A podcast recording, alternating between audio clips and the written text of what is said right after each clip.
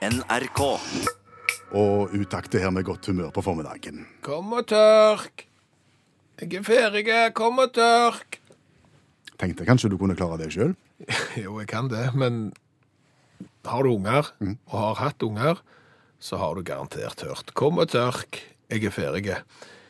Men er du flyvertinne i 30 000 fots høyde og, og hører fra toalettet ved, ved siden av deg om bord i flyet 'Kom og tørk', Og det ikke er et barn som roper? ja, Hva tenker du da? da er det sikkert ikke så gøy. Nei. Det er jo ikke gøy å tørke noen. Egentlig. Og og unger eller noe, men det er jo enda verre å, å sikkert måtte tørke eh, en flypassasjer. Hva var det som skjedde i flyet? Det var et fly som eh, skulle fra Los Angeles til Taipei. Eh, Der var det en passasjer som var rimelig romslig, må vel være lov å si. Å ja, kan vi presisere litt? Ja, 200 kilo. Det er romsligt. Det er romslig. Han var så romslig at han fikk jo nesten ikke plass inne på det der bitte lille flytoalettet. Nei, jeg får knapt plass der. Ja, og du veier ikke 200 kilo. Nei. Eh, så- Og så insisterte han på å ha døra åpen, for han syntes at han fikk så klaustrofobi, og det ble så, det ble så trangt, og fikk liksom ikke puste. Nei. Så han satt da med, med døra åpen, Ja. og eh, gjorde fra seg. Og så var han så romslig at han var ikke i stand til å tørke seg sjøl. Da ble jeg rett og slett ikke plass, nei. Nei. Og derfor så måtte han rope på styrten. Kom og tørk! Og så måtte ei flyvertinne eh, komme og tørke. Eh, Sikkert ikke en gladjobb. Nei. Eh, og så har det blitt litt diskusjon og litt oppstyr eh, etterpå i forbindelse med den saken der. Og så har det fått deg til å tenke, har jeg skjønt. Ja, det har fått meg til å tenke Hvorfor må vi mennesker tørke oss? Og så tenker jeg at det svaret gir seg sjøl. Jo, altså jeg skjønner jo hvorfor vi må tørke oss. Ja.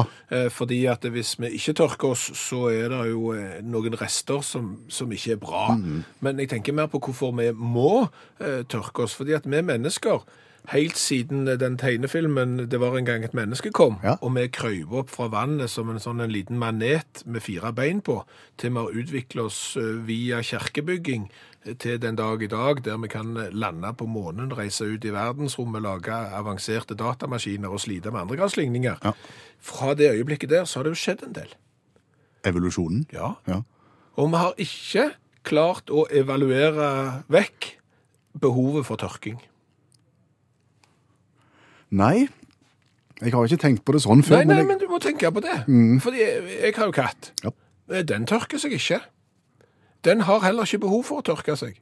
Den katten kan komme etter å ha vært ute og tredd av, så kan den komme inn og sette seg i en lysegrå sofa uten at det gjør noe. Hvis jeg for eksempel hadde vært og tredd av, Ja, så- og satt meg i den samme lysegrå sofaen, så ville ikke du så det der etterpå. Nei, ikke det neste året. Nei. Så, så katter kan, og mange dyr, eh, trer jo av uproblematisk. Ikke uten- alle. ja, men det er jo noen som er litt sånn genetisk befengt med at de har kanskje litt mye ragg Pels. bak. Og, og så er det òg noen dyr som, som er ganske flinke til å tre av uten å tørke seg, men så har de en lei tendens til at de flytter seg ikke etterpå. Sånn at eh, 'Nå har jeg vært på do, eh, skal jeg gå en annen plass og være?' Tror ikke det. Nei. Og så legger de seg ned. Så, så det, er jo, det er jo en læringskurve her som sikkert dyr òg kunne hatt nytte av. Men jeg syns det var litt interessant å tenke på det. Ja, Ser du for deg at det var anatomien som måtte ha utvikla seg i en eller annen retning for at dette her skulle virke? Jeg er ikke sikker på hvordan Altså, hvordan virker for eksempel en endestykke til en katt, som gjør at han klarer å knipe av på- på en måte, hvis du skjønner, Ja. uten at det blir rester. Der er det sikkert litt å, å hente. Så er det jo også, så- og så er det jo hvordan vi, vi vil jo tippe hvordan vi utformer, rent sånn at vi har de der de to rumpeballene kanskje ligger litt tett, mulig, sånn at vi har behov for å gå ned i, i, i hug, at der kunne det vært noe å gå på, eh, kanskje. Altså, Jeg sitter jo ikke på løsningen her, men jeg syns jo det er litt rart med, med så mange hundre tusen års eh, utvikling av menneskeheten at vi ikke er kommet i mål der. Jeg håper ikke du har brukt så veldig mye tid på dette. Nei, det, jeg har ikke brukt veldig mye tid på det, og det er ikke sikkert det er god radio heller. Nei, tenker vi stopper. Om du kan gjenfortelle ballongduellen som vi fortalte om på radioen i går? Jeg kan gjøre det kort. Det var jo da Monsieur Grand Prix som eh, slåss sammen med Monsieur Pic. De var veldig interessert begge to i mademoiselle Tvirrevitt. Stemmer. Og for å avgjøre hvem som skulle få damen, Ja. så eh, ville de ha duell. Den gjorde de ikke på bakken. Nei. De gikk opp i hver sin luftballong og skøyt på hverandre med muskedunder. Ja, ikke på hverandre, men på hver sin ballong. Ja, sånn at ballongen, det- altså den ballongen som da deiser i bakken, den har tapt. Mm. Ja, og fra 800 meters høyde så er du død når du det. treffer bakken, og, og det skjedde. Ja. Mhm. Eh, Etter det, etter at vi fortalte om det på radioen i går, så har jeg sett at det var usedvanlig vanlig med duellering. På denne tida, men på tidlig 1800-tall. Ja, altså, alle duellerte jo, og de duellerte jo over for alt òg. Å ja. Og, og spesielt kunstnere var jo fæle til å, å duellere, har jeg funnet ut. Altså, En ting var politikere og statsminister og alt sånt, de duellerte f- flittig, men f.eks. maleren Manet, han har vært i duell. Georg Friedrich Händel, han har vært i, i duell. Komponisten. Ja, ja. Vivaldi har visstnok òg vært i, i duell. Og så er det jo forfattere, de hadde jo en hang til duellering. Eh, Tolstoy, Miguel de Cervantes, spanjolen, han har vært. eh, eh, Mark Twain har vært i duell. Marcel Proust. Han var i duell fordi at han fikk en dårlig anmeldelse av en anmelder, og utfordra anmelderen til duell. Det er jo helt... eh, Tenk det, hvis du sitter i VG nå og skriver en slakt, plutselig så blir du utfordra til duell. Eh, Men de overlevde alle. ja, så det viser seg at kunstnerne har vært gode i duell, da. Eh, Det kan du si. Aleksandr Pusjkin, Russisk. ja, russisk forfatter, han, eh, han var ikke så flink i duell. Eh, Han frykta at kona hadde vært utro med, med en eh, fransk politiker og offiser, så han utfordra han til duell, eh, og tapte. Å. Ja, så altså, han, han døde. Så det var ikke alle det gikk godt med. Men, men i denne, i dette vellet av dueller, så, så er det jo noen gode historier. I, I måten de duellerte på, tenker du på? Ja, alt, egentlig. Du har jo eh, to, eh, to kapteiner i i Napoleonshæren, to offiserer der. De brukte 19 år på dueller. 19 år! Ja, det, det begynte i 1794 da de var på fest, og så havna da eh, kaptein Dupont og kaptein Fournier, de havna i klammeri. Og da er det som vanlig, ok, vi kjører duell. Det var den første av ca. 30. Det tok sin tid. Ja, og, og det var ingen som fikk has på hverandre. Så etter hvert som året gikk, så, så skrev de da en kontrakt at hvis de kom inn forbi rekkevidde av ca. 100 km fra hverandre, da var det på tide med duell. Men etter en stund da, så ble eh, general Dupont, han var blitt general, da, han begynte jo å duellere som kaptein, han han begynte å bli lei av, av å kjempe med Fournier, for han skulle gifte seg, og det er så dumt når du hele veien risikerer å dø. Så da avtalte de, vi tar en siste. Eh, Og da jakta de på hverandre i skog, bevæpna med to pistoler hver. Og da tok han der du på, og så tok han jakken sin. Det høres nesten ut som en sånn tegneserie, vet du. Han tok jakken sin, hang han på en pinne, og lurte jo da Fournier til å skyte to ganger på den tomme jakken. Å ja. Og da hadde jo han brukt opp sine to skudd. ja. Så da gikk han andre fram og skøyt. Nei, han gjorde ikke det. Han sa det er greit, eh, men jeg skal ikke skyte deg hvis du lover at dette her gidder vi ikke gjøre mer. Nå, Jeg, jeg er leie. Og dette har blitt bok. Josef Konrad, kjente forfatteren, har skrevet bok om dette, og Ridley Scott, regissøren, har lagt film om denne eh, 19 år, gam- 19 år lange duellen. Så det, det er bra, det. Ja, ja. Eh, Damer duellerte òg. Jaha. Ja, ja, ja. ja, ja. Eh, eh, Prinsesse Metternich og, og, og grevinne Kielmannsegg. Grevinne. Grevinne Kielmannsegg. Det er sikkert forløperen til Kinderegg. Kan være. De skulle da eh, lage et sånt blomsterarrangement i forbindelse med en musikalsk utstilling. Det høres ikke ut som det skal bli til duell. Ja, men det ble det. De klarte ikke forenes om hvordan disse blomstene skulle se ut, og det endte jo da opp med sverdduell ut på plenen. Oi. Heldigvis da, så var det ei eh, baronessa der, eh, som hadde vært eh, lege. Og hun sa, eh, det er farlig å duellere, for får du sår, så er klærne deres så skjedne at det, du får infeksjon i såret hvis du har på klærne. Så hun sa at de måtte ta av seg klær, og de måtte kjempe toppløse da. Så det ble toppløs duell. Toppløsfekting, ja, på plenen ut forbi på grunn av eh, u- uenighet over blomsterarrangementet. eh, det var heldigvis ingen mannfolk til stede, bare damer. Mm. Eh, begge fikk eh, sår, eh, og var da glad for at de ikke hadde klærne på. Men dette ryktet spredde seg jo, Ja. og det er lagt svært mange bilder, eh, malerier, av eh, damer som eh, duellerer toppløse. Dette, Og, dette- og det er bakgrunnen for det, Ja, ja, Akkurat. ja, ja. Men det var vanlig da. Var det enda mer nå? Å ja, jeg er så vidt begynt, vet du. Oi, hjelp oss. Ja, ja. altså Humphrey òg duellerte i bare underbukser, for han òg hadde vært lege og visste at eh, ble du skutt gjennom klærne som var så skitne, så kunne du dø, så han utfordra jarlen av Barrymore på en galoppbane i Brighton i 1806 i bare underbukser. Men mine to favoritter, Ja. eh, det er Jeffrey Hudson. Han var Ja, Det var så lenge siden at han ble da kalt dverg. Nå er han kortvokst. Han var ekstremt kortvokst, han var bare 46 cm høy. Han dukte opp av ei stor kake på en fest for Charles den første. Eh, og han tilhørte da hertugen av Butting- Buckingham. Men de likte han så godt, denne 46 cm høye Jeffrey, at de kalte han for lord Minimus. Jaha. Og så gjorde de han til kaptein i hæren. Kaptein Minimus. Ka- kaptein Minimus. Men så er det jo sånn, når du er så liten, så får du kanskje høre det av noen. Eh, Blant annet Charles Croft. Han mobba da lord Minimus. Og lord Minimus han ble erg og utfordra til duell. Dette tok jo ikke Croft spesielt seriøst, så han møtte opp med vannpistol. Og skulle slåss mot han på 40 cm. Ja, Det burde han ikke gjort, Nei, Eh, for Jeffrey skjøt han i hodet. Og så døde han. sier du det? Ja, Det er mye lettere å treffe et stort mål enn en liten på 46 cm. Dessuten så er det ikke farlig med vannpistol.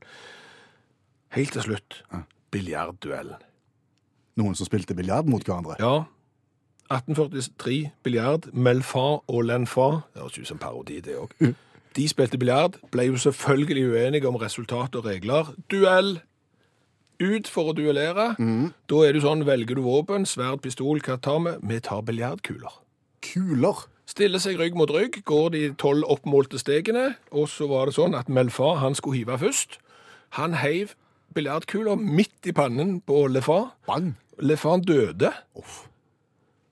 Og så er det jo sånn at dette var ikke en ekte duell, for en ekte duell skulle være sverd og pistol.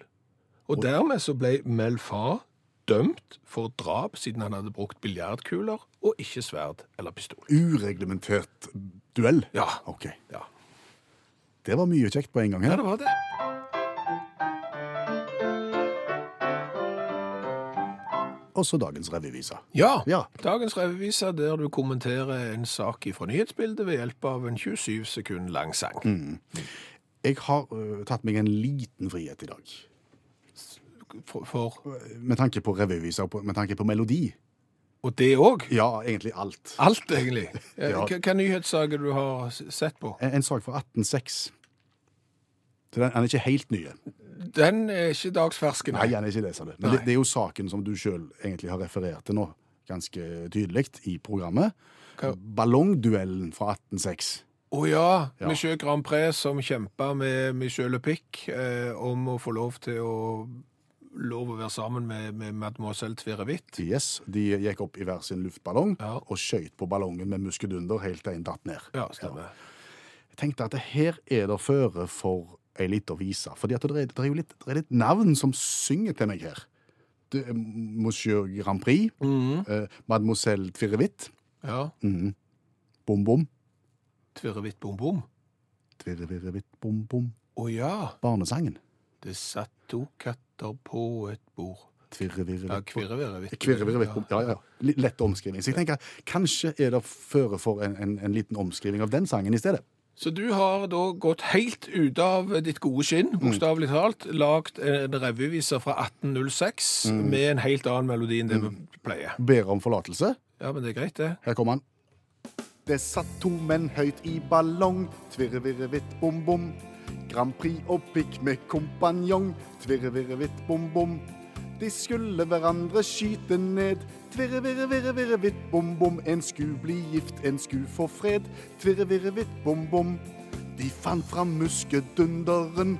Tvirrevirrevitt, bom, bom. For pikk så starta plunderen. Tvirrevirrevitt, bom, bom. Han bomma stygt mens Grand Prix traff. Tvirre, virre, virre, virre, vitt, bom, bom. En ugift pikk fikk død til straff. Tvirre, virre, vitt, bom, bom. Det- det- Den var gøy. Må han det? Ja, og så tenker jeg at det satt to katter på et bord. Den passer i barnehagen. Ja. For den er ikke mer spesielt spennende enn den må være. for det er liksom, I første verset så sitter de på et bord, og så klatrer de ned. Ja. Og i andre verset så klatrer de opp igjen. Faktisk. Det er det som skjer. Og tredje verset er ned, og fjerde verset er opp. Så det er ikke mer gøy enn det må være. Men det er klart, når du her får inn eh, Grand Prix og Tverevitt, Mm. og litt duellering og, og sånn, så passer plutselig denne gjerne f.eks. i ungdomsskolen. Jeg er ikke sikker på det. Tvirrevirrevitt, bom, bom. Men alle sanger hvor du kan få en muskedunder, tenker jeg er bra. Etter det vi har grunn til å tro. Etter det vi har grunn til å tro. Det var tittelen på bokverket som jeg ga ut for en del år siden. Ja, det er viktig å si ga ut, for vi skrev den jo ikke. Eh, Det var ei bok Mhm. der du snudde hele konseptet med det å lage bok. Ja. Vi satt i et radiostudio, snakket i ni timer Uten stans. uten stans. Det vil si, vi lagde lydboka først. Så fikk vi allmennlærer med to vekttall i musikk til å sitte ut forbi og skrive ned det vi sa. Eh, Og så ble det papirutgave etterpå. Ja. Olav Hove satt på utsida og skrev ned ord for ord for ord. Og tanken vår var jo å revolusjonere bokbransjen med å gjøre det på denne måten. Ja, Dette var jo aldri gjort før. Nei. Eh, Det som viste seg når boka kom ut, Ja. det var jo at Olav ikke nøyde seg med å bare referere alt vi sa. Nei, han ble grepen Ja. eh, og fikk behov for å prege boka på egen hånd. Rett og slett komme med kommentarer, rettelser eh, osv. videre, og dermed så ble det ikke bare det vi sa som havna mellom permene. Nei. Har det blitt en salgssuksess? Eh, Overhodet ikke. Det var vel ingen forlag, bortsett fra ett, eh, som syntes det var en god idé, og de tror jeg har kolossalt mange bøker på lager, for å si det sånn. Så, så det har ikke blitt den suksessen vi hadde sett for oss. Nei. Og, og inntil nylig så har vi heller ikke hørt noe om det har revolusjonert bokbransjen, den måten å tenke på. Men så, allmennlærer med to vekttall i musikk, så kommer du inn til oss og sier at nå skjer det ting. Nå skjer det ting, ja. Nå har endelig noen virka som verden har fått opp øynene for metoden, altså. Er det Look to Sweden?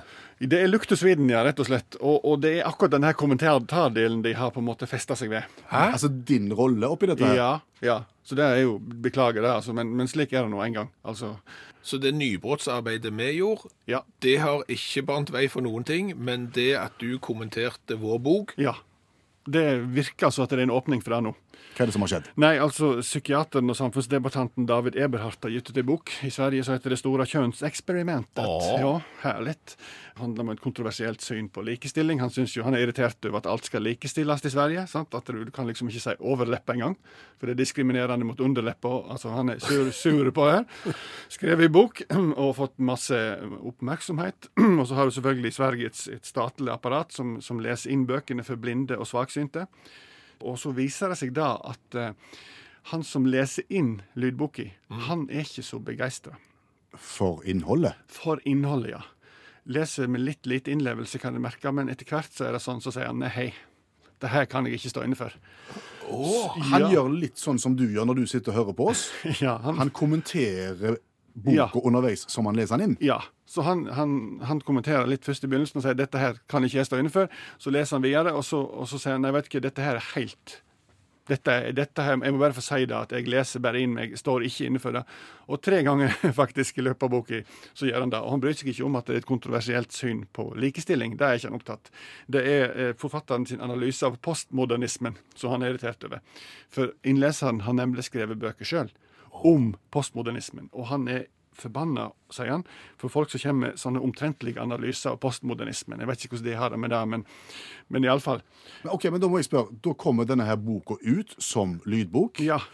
med disse kommentarene i. Yes. De har ikke klippet de vekk. Nei, det er kanskje noe kontrollorgan der på slutten så, av prosessen som ikke har kommet. Ja, de har ikke korrektur på lydboka. Nei, de har ikke det. Og det er jo tosje. Så nå er den blitt gitt ut, og av en eller annen grunn så er den godeste David Eberhardt blitt eh, myk- mektig forbanna. Han som har, egentlig har skrevet boka, ja. Ja, fordi at, at det kommer en tilfeldig innleser inn og sagt at nei, det her, dette her er tullprat. Eh, så, så det som har skjedd, er at boka er blitt trukket. Eh, innleseren har da måttet beklage det. Eberhardt krever at staten går til ytterligere forføyninger, noe som betyr sparken på norsk. Eh, eh, så det, det er tydelig at folk har tatt konseptet, men verden er ennå ikke klar for den revolusjonen vi har satt i gang. Nei. Da tror jeg vi kan si til Sverige at eh, det som skjedde når Olav Hove gikk inn og kommenterte alt det vi sa, jeg vil si at det gjorde vår bok bedre. Ja. Ja. A small step for mankind, men a giant leap for utakt. Ja. Yes. Og det er fortsatt et enormt restlager.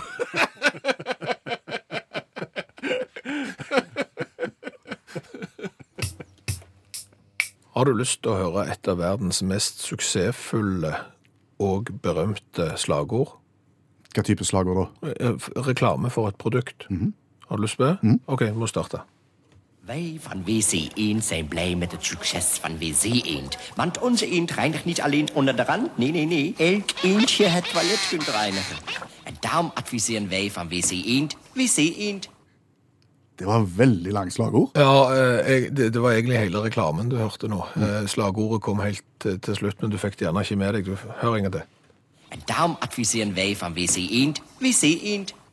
Vi sind int, vi sind int. Ja, det er nederlandsk, og, og det de sier Vi van visient ad virsera visient. Det betyr at vi fra Hvordan oversetter du det? Eh, WC-døkk. Anbefaler WC-døkk. Vi fra WC-døkk anbefaler WC-døkk. Det er slagordet. Vi fra WC Duck anbefaler WC Duck. Ja. Og er blitt verdens mest berømte slagord. Ja, det har faktisk vunnet en kåring over eh, det slagordet som har hatt størst eh, gjennomslagskraft.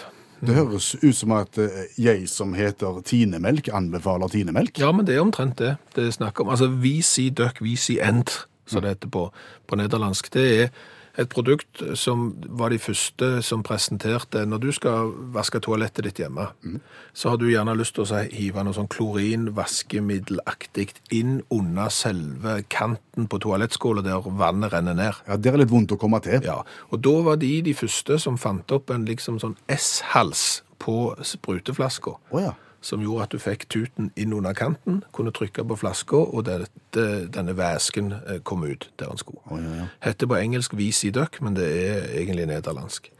Da lagde de en litt sånn tullereklame. Du hørte han i starten her med godt humør og kakling og ikke måte på hunds og all slags er der inne i den Ja. der de avslutter med slagordet «Vi i WC-døkk anbefaler WC-døkk».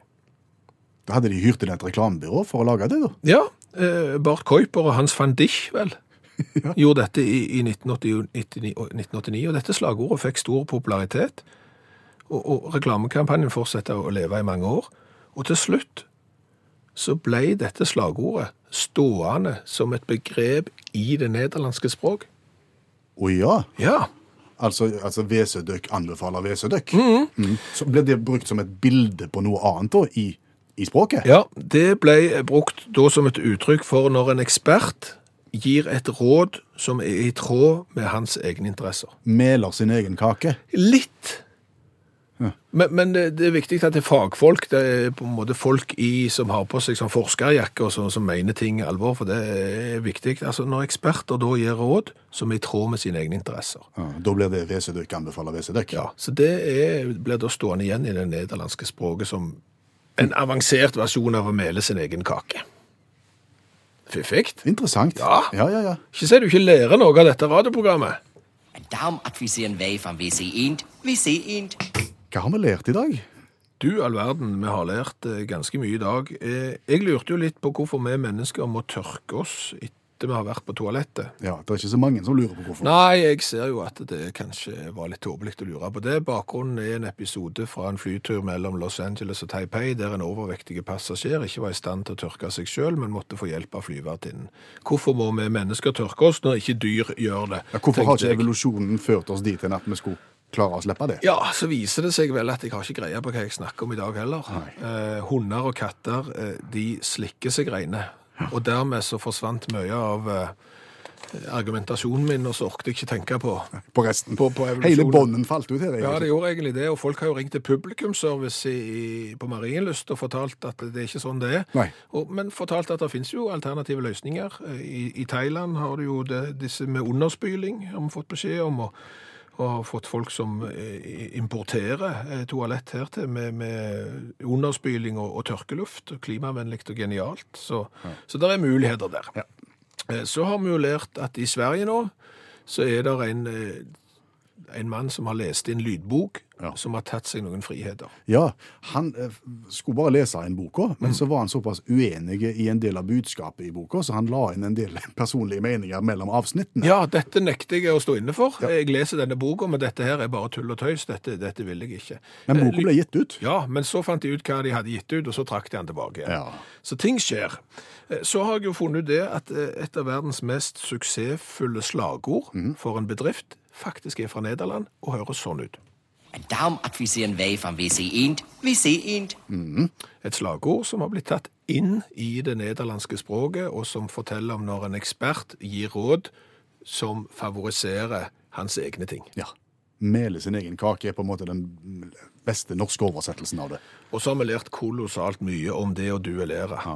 Utfordre hverandre. De var veldig mye mer hårsåre før og inviterte til duell for ingenting. Og spesielt kunstnerne var fæle til å, å, å duellere. Maleren Manet og George Friedrich Händel har vært i duell. Og forfatterne var jo verst.